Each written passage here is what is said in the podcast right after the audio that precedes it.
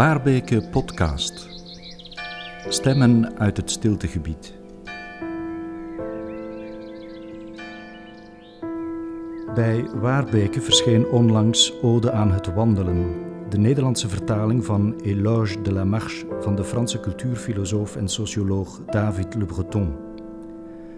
Het trage wandelen staat haaks op de snelheid en de drukte van het hedendaagse leven. Ongetwijfeld de reden waarom zoveel er tegenwoordig rust en verstilling in zoeken. Vertaler Joris Kapenbergs leest een fragment.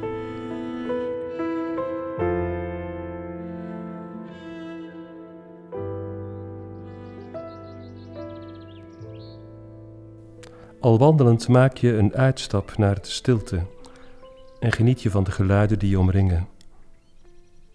Wie zou er voor zijn plezier gaan ronddolen in de buurt van snelwegen of zelfs langs gewone autowegen? Als wandelaar neem je de benen en trek je erop uit, ver van het autoverkeer of radiolawaai. Je stapt en luistert naar de wereld. Er is altijd een soort eolische harpmuziek in de atmosfeer te horen, schrijft Henry David Thoreau in de zomer van 1851 in zijn dagboek. Ik hoor in de verte een zachte melodie die in de hoogste luchtlagen weergalmt, bedwelmende klanken die vanuit de hemel in mijn oor verzinken. Elk geluid lijkt te komen uit een diepe geesteskracht in de natuur, alsof zij beschikt over karakter en intellect. Mijn hart trilt, mijn mond beeft bij het gefluister van de wind in de bomen. Ik, wiens leven gisteren nog zo doelloos en oppervlakkig leek, hervindt plots weer mijn levenskracht, mijn zieleleven, door wat ik hoor. Sommige geluiden dringen diep door in de stilte zonder het evenwicht te verstoren. Soms versterken ze zelfs haar aanwezigheid en richten in al hun eenvoud je aandacht op de bijzondere geluidskwaliteit van een omgeving. Stilte is in de eerste plaats een zintuigelijke ervaring, een gevoel dat je als mens individueel aangrijpt. Zelfs als het kabaal van de wereld nooit ophoudt en slechts verschilt naar gelang het uur, de dag of het seizoen, kunnen bepaalde plekken je toch nog het gevoel geven dat stilte nabij is. Het geklater van een bron die zich een weg baant tussen de rotsen, de roep van een uil in het midden van de nacht, een springende karper in het ondiepe water van een meer, een kerkklok bij het vallen van de avond, het knerpen van verse sneeuw onder je laarzen, een dennenappel die knispert in de blakerende zon, dit alles geeft diepte aan de stilte. Hoe onooglijk ook, zulke gestolen momenten beklemtonen de rust die een plek uitstraalt. Het lijkt wel of de stilte toeneemt wanneer de lamp zachtjes praat, stelt de Franse wetenschapsfilosoof en psychoanalyticus Gaston Bachelard. Het zijn ingehouden expressies van verstilling, niet omdat er iets ontbreekt, maar omdat het schouwspel van de wereld even door niets of niemand, door geen enkel geluid wordt overstemd. Ja, om stilte goed te kunnen horen, heeft onze ziel nood aan iets dat zwijgt. Zoals elk geluidslandschap verschilt, stilte van plaats tot plaats. Soms is ze haast tastbaar aanwezig. Ze waart dan rond in een ruimte of omgeving en trekt alle aandacht naar zich toe. Terwijl hij in Algerije tussen de ruïnes van de Romeinse stad Gemilla loopt, bemerkt Albert Camus een doodse, drukkende stilte die door niets wordt verstoord. Zoiets als een weegschaal in evenwicht. Gekrijs van vogels, de gedempte tonen van een herdersfluit, hoefgetrappel van geiten, geruchten hoog uit de hemel. Samen benadrukte al deze geluiden de stilte en de verlatenheid van deze plaats, zo schrijft hij. Het is evenzeer het gewicht dat loodzwaar valt, zoals een brandende zon het landschap teistert. of met de woorden van Lowry Lee, die zich met moeite voortsleept over de Iberische hoogvlakte. Geruisloos kroop het dichte stof, bewogen door de trillingen van de hitte, eerder dan door de wind, in mijn sandalen en tussen mijn tenen, kleefde als rijp aan mijn lippen en wimpers en viel als een sneeuwwitte zinsbegoocheling in de levenloze kelkjes van de klaprozen langs de weg. Buiten het zandringe ruisen in het tarweveld heerste rondom mij een diepe, onheilspellende stilte. Niet het wegvallen van geluiden wekte stilte, wel verscherpte aandacht, de kwaliteit van het luisteren, de zachte polsslag van het leven die de ruimte bezielt. Terwijl ik het dorp verlaat en de bossen nader, blijf ik zo nu en dan staan om de honden van de stilte te horen huilen naar de maan, om te weten of ze een prooi op het spoor zijn. Als Diana niet met de nacht is, wat stelt ze dan nog voor? Ik luister naar de godin Diana. De stilte weer klinkt muzikaal. Ze brengt me in vervoering.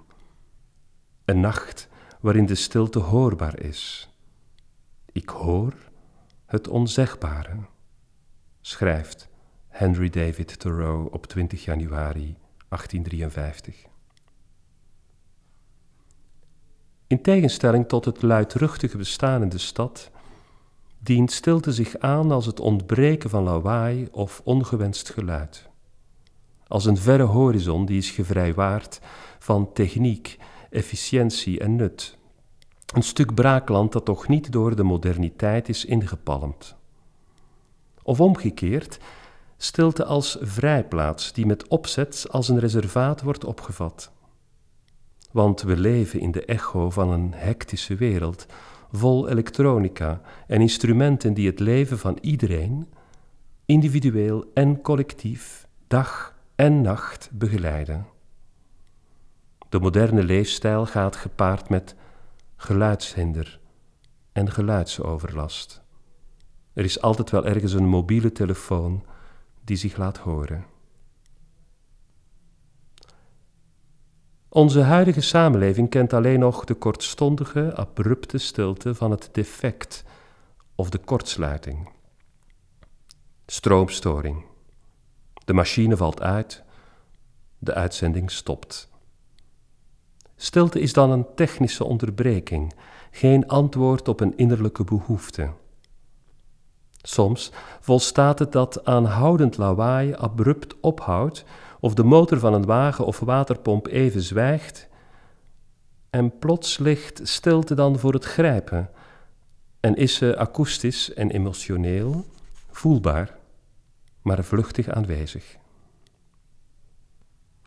Tijdens een voettocht in het Dolpo-hoogland in Nepal worden Peter Mathissen en zijn compaan zich plotseling ten volle bewust van de stilte waarin ze sinds hun aankomst in deze afgelegen, dunbevolkte bergstreek zijn ondergedompeld.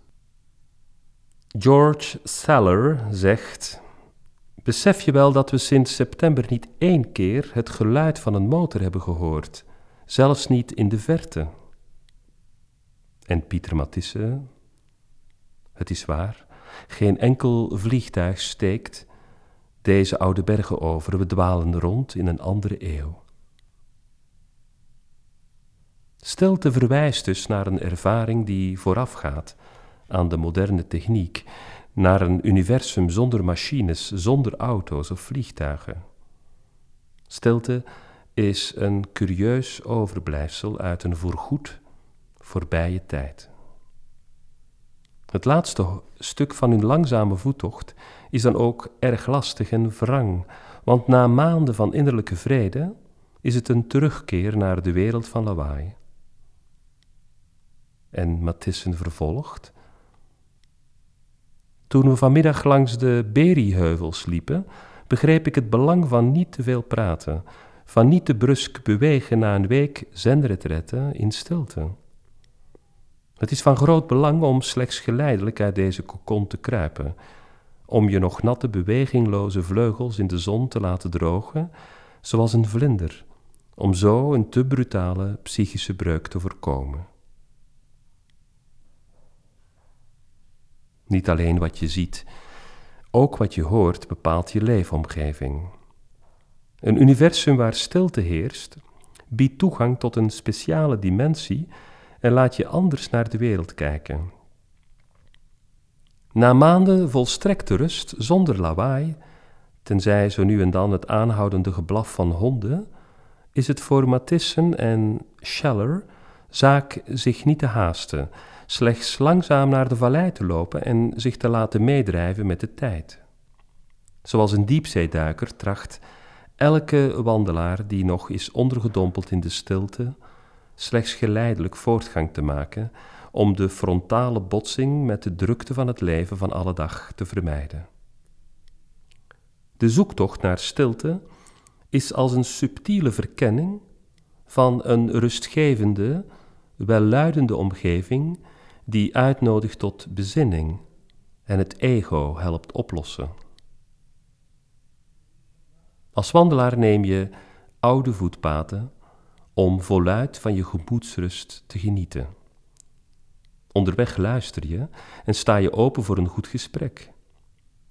Stilte is een vreedzame, innerlijke levensader.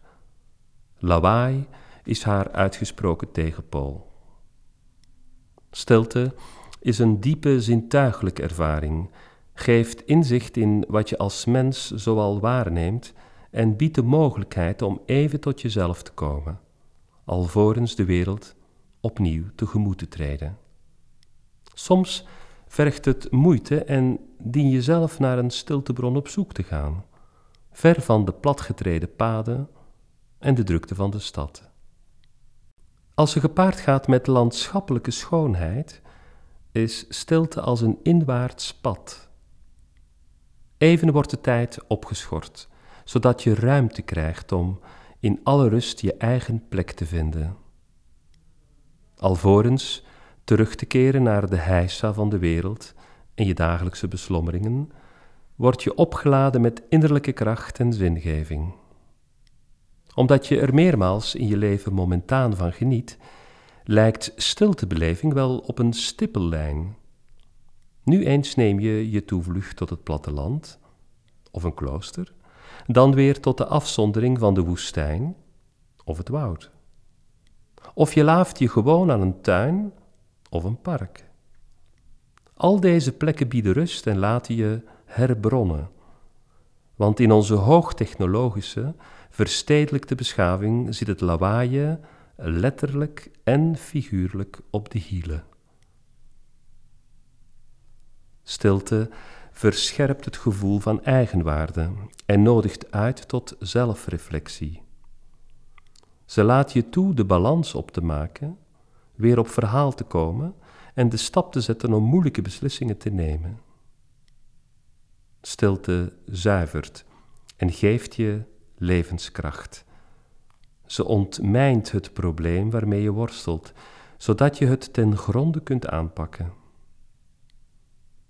Wie aandachtig wandelt, komt langzaam in één klank met de stilte. Laag voor laag geeft ze zich prijs. Bij elke stap krijg je, al luisterend, toegang tot een rijkdom aan omgevingsgeluiden die de stilte omvat. En zo ontdek je een nieuwe dimensie. Niet dat het gehoor zich verdiept, het is eerder een kwaliteit die nauw met de waarneming van stilte is verbonden. Als het gehoor voldoende fijngevoelig is, hoor je het gras groeien, de bosbessen rijpen, de levenssappen traag stijgen en de bladeren zich ontvouwen in de boomtoppen. Je voelt hoe bij de geringste rempeling in de tijd de vertrouwde drukte en dadendrang zich opnieuw doen gelden. Bovendien is stilte in onze kontrijen seizoensgebonden.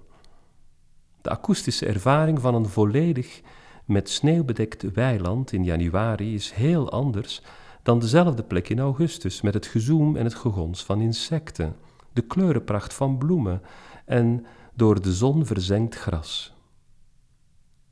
In eenzelfde landschap varieert de ervaring van stilte van dag tot dag, zelfs van uur tot uur. Op bepaalde plaatsen is het onvoorstelbaar dat een vreemd geluid of babbelziek gedrag de rust verstoren. Je loopt er behoedzaam, beducht, om een broos evenwicht te niet te doen. Al te opzichtige tussenkomst door de mens is er ongepast. Alleen deemoed en contemplatie zijn er aan de orde. Soms doordringt de stilte in het bos, de woestijn, de bergen, aan zee, alles en iedereen, waardoor andere impressies of gewaarwordingen totaal achterhaald of nutteloos lijken. Geen woord is bij machte om de kracht van zo'n ogenblik of de verheven stemming op zo'n plek te beschrijven. Diep in een bos op de heilige Athosberg stapt Nikos Kazantzakis met een vriend op het geplaveide pad dat naar Karies leidt. Het leek wel alsof we een gigantische kerk hadden betreden, zo schrijft hij. De zee, kastanjebossen, de bergen en boven ons als koepel de wijdse hemel. Om de stilte te breken, die op mij begon te wegen, draaide ik mij naar mijn vriend. Waarom praten we niet? Mijn vriend antwoordde terwijl hij mijn schouder zachtjes beroerde.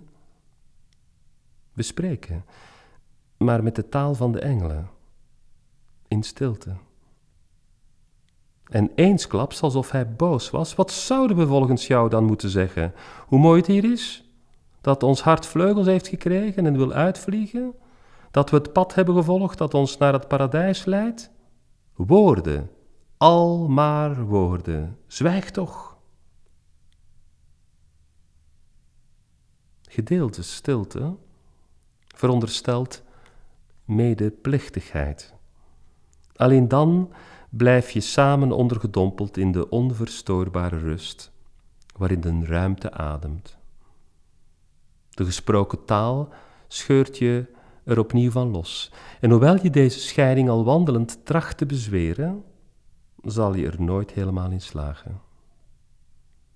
Elk ingetogen gemijmer stoot immers altijd op een woord dat de stilte opheft door de aandacht die het opeist.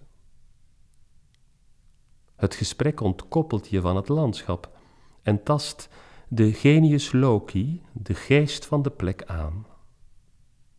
Maar tegelijk voldoe je zo aan de gangbare fatsoensregels. Een praatje werkt geruststellend, is een beproefde manier om te ontsnappen aan ongemakkelijk isolement en brengt de ander niet in vergelegenheid. De emotie wordt dan uitgedrukt in stereotype woorden, maar verdwijnt op hetzelfde moment. Het gevoel met de kosmos één te zijn, ontdaan van alle grenzen en beperkingen, is een hoogst persoonlijke, numineuze ervaring dat door ijlgebazel wordt ontkracht. Je dient te weten wanneer je je mond moet houden, wil je de oneindig broze draad van de tijd niet breken.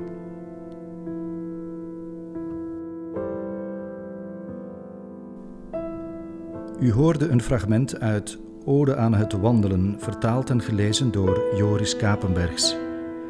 Wilt u meer weten over Waarbeke? Surf naar www.waarbeke.be. Dank voor het luisteren.